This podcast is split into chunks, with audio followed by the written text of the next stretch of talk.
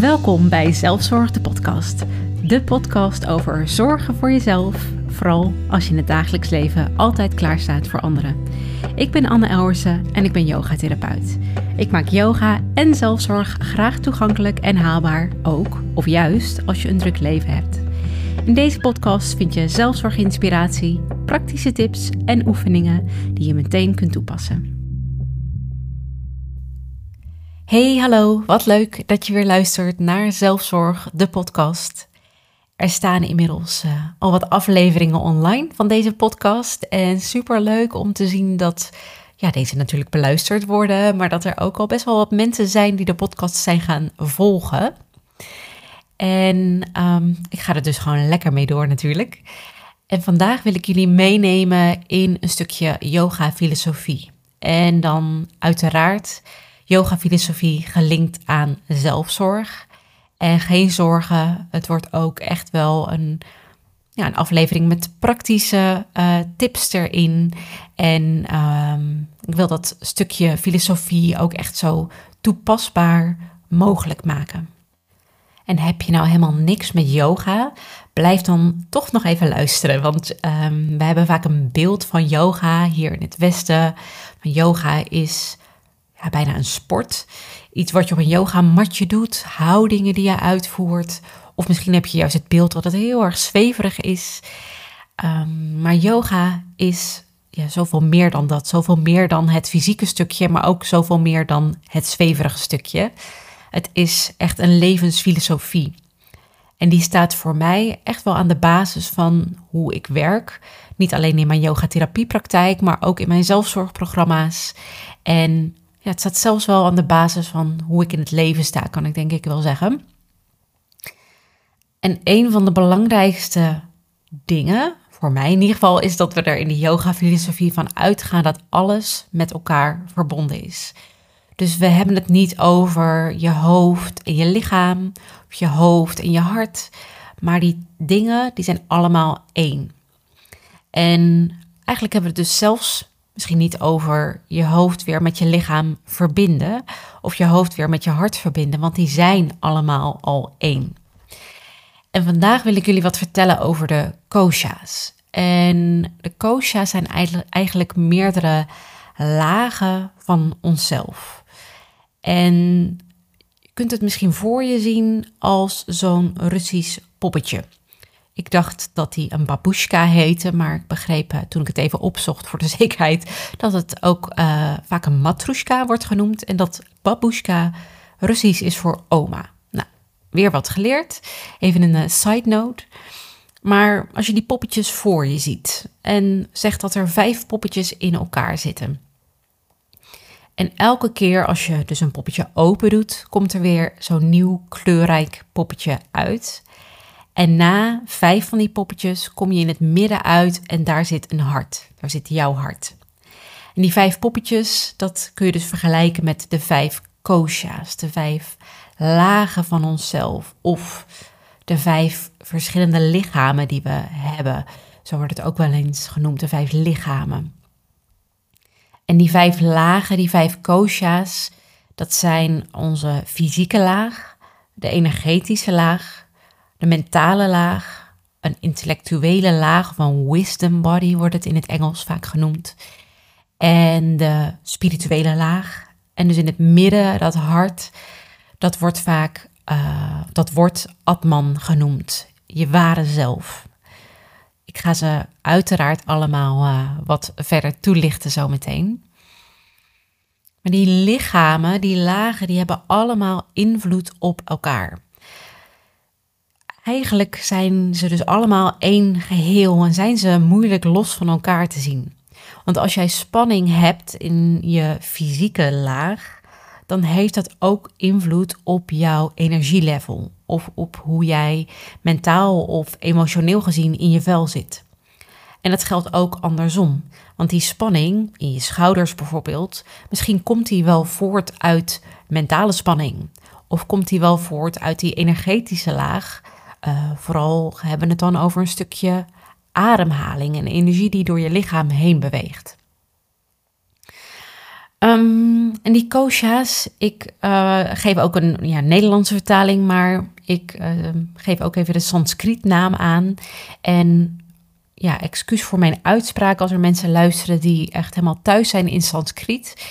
Ik ben dat niet, dus sorry als ik de namen misschien um, niet helemaal perfect uitspreek. En die, die lagen samen, die, die kosha's, die, we dus zo, uh, die ik zo meteen ga benoemen, die worden samen de Panchamaya kosha genoemd. En komen voort uit de Veda's en de Upanishads. Um, nou ja, mocht je er echt wat dieper in willen gaan duiken, dat zijn hele oude boeken. Um, die echt wel wat ingewikkeld zijn om te lezen ook. Maar daar komen die uh, kosha's uit voort. Daar worden de kosha's in benoemd. En de eerste laag is de Anamaya Kosha. Dus het eerste poppetje, die eerste matrushka, is de Anamaya Kosha. Oftewel het fysieke lichaam. In het Engels wordt het ook wel eens vertaald als de food body. En dan hebben we het over ons fysieke lichaam, dus het buitenste omhulsel eigenlijk van onszelf. En als we het hebben over zelfzorg op die laag, dan kun je denken aan gezond eten, maar ook uh, regelmatig bewegen. Kan yoga zijn, maar kan bijvoorbeeld ook gewoon wandelen zijn of sporten zijn. Maar ook voldoende rust nemen. En die bewegingen, maar ook dat rust nemen, dat heeft invloed op je fysieke lichaam, maar ook op veel meer dan dat. Daar komen we zo meteen ook achter als we naar de andere lichamen gaan, de andere lagen. En ons lichaam, ons fysieke lichaam, geeft hele duidelijke signalen af. Ik zeg duidelijk, ze zijn niet altijd even duidelijk. Soms zijn ze heel subtiel. Um, en zelfzorg gaat voor mij ook echt om het leren voelen, het leren luisteren naar die lage, um, sorry, naar die signalen van je lichaam.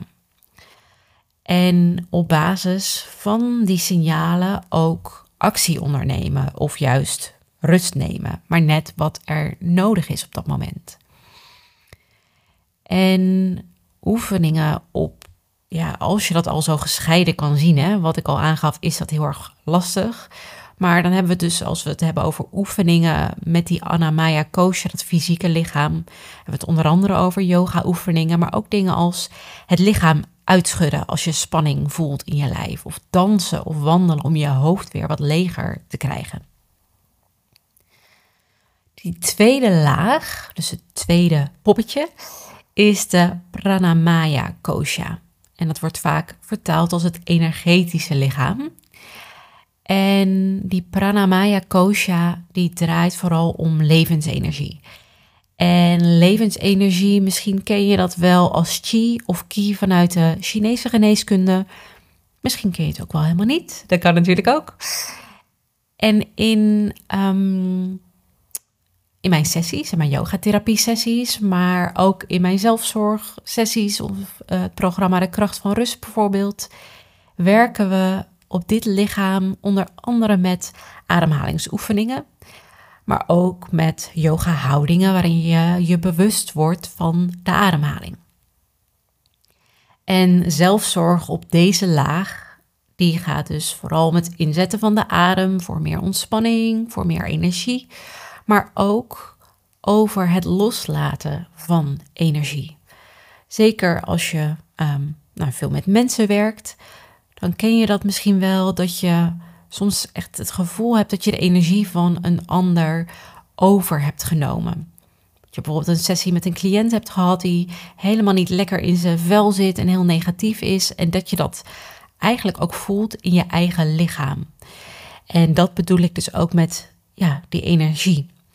En je kunt dus ook leren om die energie weer los te laten. Bijvoorbeeld door wat ik net noemde bij het fysieke lichaam, die spanning eruit te schudden. Maar uh, het kan ook aan de hand van een ademhalingsoefening of dingen opschrijven bijvoorbeeld, om dus die energie los te laten. Maar het gaat ook om je eigen energie leren waarnemen en leren voelen hoe zit ik in mijn vel, hoe zit ik in mijn energie en wanneer, ja, ik gebruik vaak het, de term het emmertje die over dreigt te lopen, wanneer wordt het te veel, wanneer dreigt mijn emmertje over te gaan lopen. Dat is zo belangrijk om dat van jezelf te leren waarnemen, te leren voelen, omdat je op basis daarvan dan gezonde zelfzorgkeuzes kunt maken. Gaan we nog een uh, laagje dieper. Het volgende laagje, het volgende poppetje wou ik zeggen, is de Manomaya Kosha. Het mentale lichaam of de mind-body in het Engels. En die omvat vooral ons denken, onze mind, maar ook onze zintuigen. En samen, die, dat denken en die zintuigen, die bepalen ook hoe wij, uh, die bepalen voor een groot deel hoe wij naar de wereld kijken. En op deze laag uh, werken we in de zelfzorgsessie bijvoorbeeld weer met meditatie, maar ook met mindfulness oefeningen om um, ja, dat te gaan leren waarnemen. Het denken gaan leren waarnemen. Welke gedachten komen er voorbij? En oefeningen op deze laag kun je denken aan gedachten van je afschrijven of um, meditaties om gedachten te leren waarnemen, maar ook gedachten of meditaties, oefeningen om um, je zintuigen te leren waarnemen. En dan gaan we nog een laagje dieper. De Vijnana Maya Kosha, die vind ik altijd het lastigste om uit te spreken. En in het Nederlands een stukje makkelijker. Het wijsheidslichaam, oftewel de wisdom body. En die gaat vooral om een stukje innerlijke wijsheid en je intuïtie ook. Dus weer een laag dieper dan dat mentale lichaam. En in deze laag hebben we het vooral over onze patronen en ook onze onderbewuste patronen. En gaat het ook om het bewust worden van die niet helpende patronen, niet helpende overtuigingen die wij allemaal in ons hebben en die ja, eigenlijk soms een beetje verstopt zitten onder die andere lagen. Maar waar je dus wel mee kan werken, waar je mee aan de slag kan om ja, die laagjes af te pellen, die babushka's, die matrushka's open te doen, om steeds een laagje dieper te gaan. En op deze laag werk ik onder andere met meditatie weer, maar ook met yoga nidra, mocht je dat wat zeggen. En in yoga nidra gaan we eigenlijk bewust al die verschillende lagen van het lichaam, al die kosha's langs. Maar je kunt ook denken aan uh, schrijven. Uh, schrijven kan je ook heel erg helpen om uh, bewust te worden van bepaalde patronen die je hebt en die je wellicht in de weg zitten. Maar ook een stukje reflecteren, een stukje visualiseren ook. Visualisaties kunnen heel sterk zijn om uh, ja, dat onderbewuste stukje naar boven te brengen. En dan gaan we naar de laatste laag, de Anandamaya Kosha. En vertaald uh, naar het Engels noemen we het ook wel de bliss body. In het Nederlands de spirituele lichaam of het gelukslichaam wordt het ook wel eens genoemd. En um, spiritualiteit, daar uh, krijgen soms mensen nog wel eens uh, een beetje kriebels van. Maar ik zie uh, spiritualiteit eigenlijk ook als iets um, ja, iets wat best wel down to earth kan zijn. Wat echt niet altijd heel zweverig hoeft te zijn. Maar wat ook gaat om, ja, hoe zal ik het zeggen? Bij het ja, thuis zijn eigenlijk bij jezelf en je ware zelf mogen zijn. Innerlijke rust daarin vinden ook. En in deze laag gaat het ook over een gevoel van connectie, een gevoel van ertoe doen. En dit is eigenlijk de lastigste laag om uit te leggen, om te grijpen, omdat het steeds subtieler wordt. Eigenlijk bij die buitenste laag, um, die fysieke laag, is het nog veel meer tastbaar, veel meer grijpbaar. Maar hoe, hoe meer je die lagen eigenlijk afpelt, hoe subtieler het wordt. En dus ook lastiger onder woorden te brengen. Maar om het even wat praktischer te maken, in deze laag gaat het dus ook om: mag ik mezelf zijn? Mag ik volledig mezelf zijn? Los van alle verwachtingen die andere mensen, uh, los van alle verwachtingen die de maatschappij misschien wel van mij heeft. En weet ik wie dat is? Als ik al die verwachtingen loslaat, als ik alle ruis loslaat, weet ik dan wie er van binnen zit. En ik werk ook hier weer met meditatie en visualisatie ehm, om ja, dat voor je te gaan zien. Van wie ben ik als die ruis om mij heen allemaal wegvalt. In mijn programma De Kracht van Rust zit daar bijvoorbeeld ook een visualisatieoefening in, waar ik uh, je helemaal daardoor heen praat om dat ook voor je te gaan zien. En om um, weer even al die andere lichamen erbij te pakken. Het is vaak ook belangrijk om ook die andere lagen, om eerst daar, um, dus eerst bijvoorbeeld met yoga oefeningen, eerst je lichaam weer wat losser te maken, wat ruimte te creëren in je lichaam. En ook je lichaam weer wat beter te gaan voelen. En ook weer te gaan werken met de ademhaling en die te kunnen gaan voelen voordat je die stap naar binnen maakt om echt te gaan voelen wie ben ik als al die lagen wegvallen. Dus je kunt het zien als wat lagen afpellen. Soms is het nodig om eerst die andere lagen af te pellen om hier te kunnen komen bij die vraag: wie ben ik als alle ruis, alle verwachtingen om mij heen wegvallen? Dus dat is niet iets waar je opeens met een knip in je vingers uh, kunt komen. Er zijn vaak eerst wat andere stapjes nodig, wat andere lagen om af te pellen.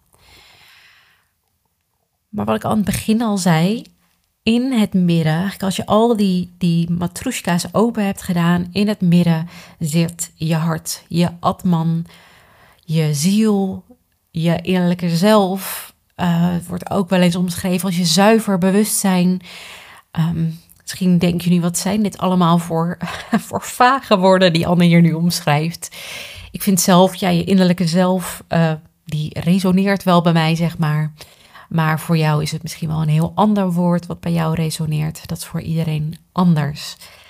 Um, maar al die lagen, um, ja, die, daar ga je dus steeds verder naar binnen toe om uiteindelijk bij je innerlijke zelf of je ziel, welk woord je daar ook voor wil gebruiken, om daar uit te komen.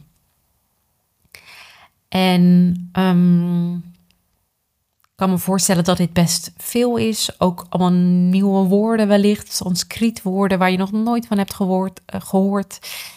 En wat mij betreft mag je die Sanskriet woorden ook lekker weer vergeten.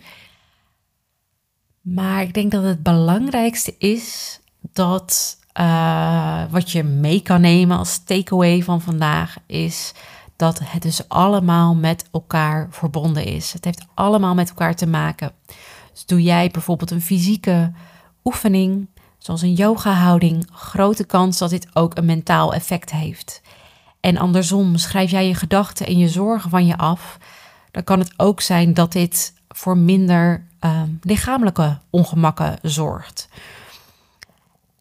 En daarnaast, als jij in een proces zit van beter voor jezelf zorgen, beter voor jezelf willen zorgen, misschien in een proces van herstel, realiseer je dan dus ook dat jij ook uit al deze lagen bestaat. Dat die allemaal invloed hebben op elkaar.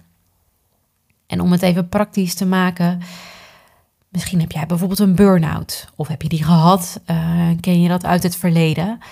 En ga je nu naar een psycholoog om daarover te praten.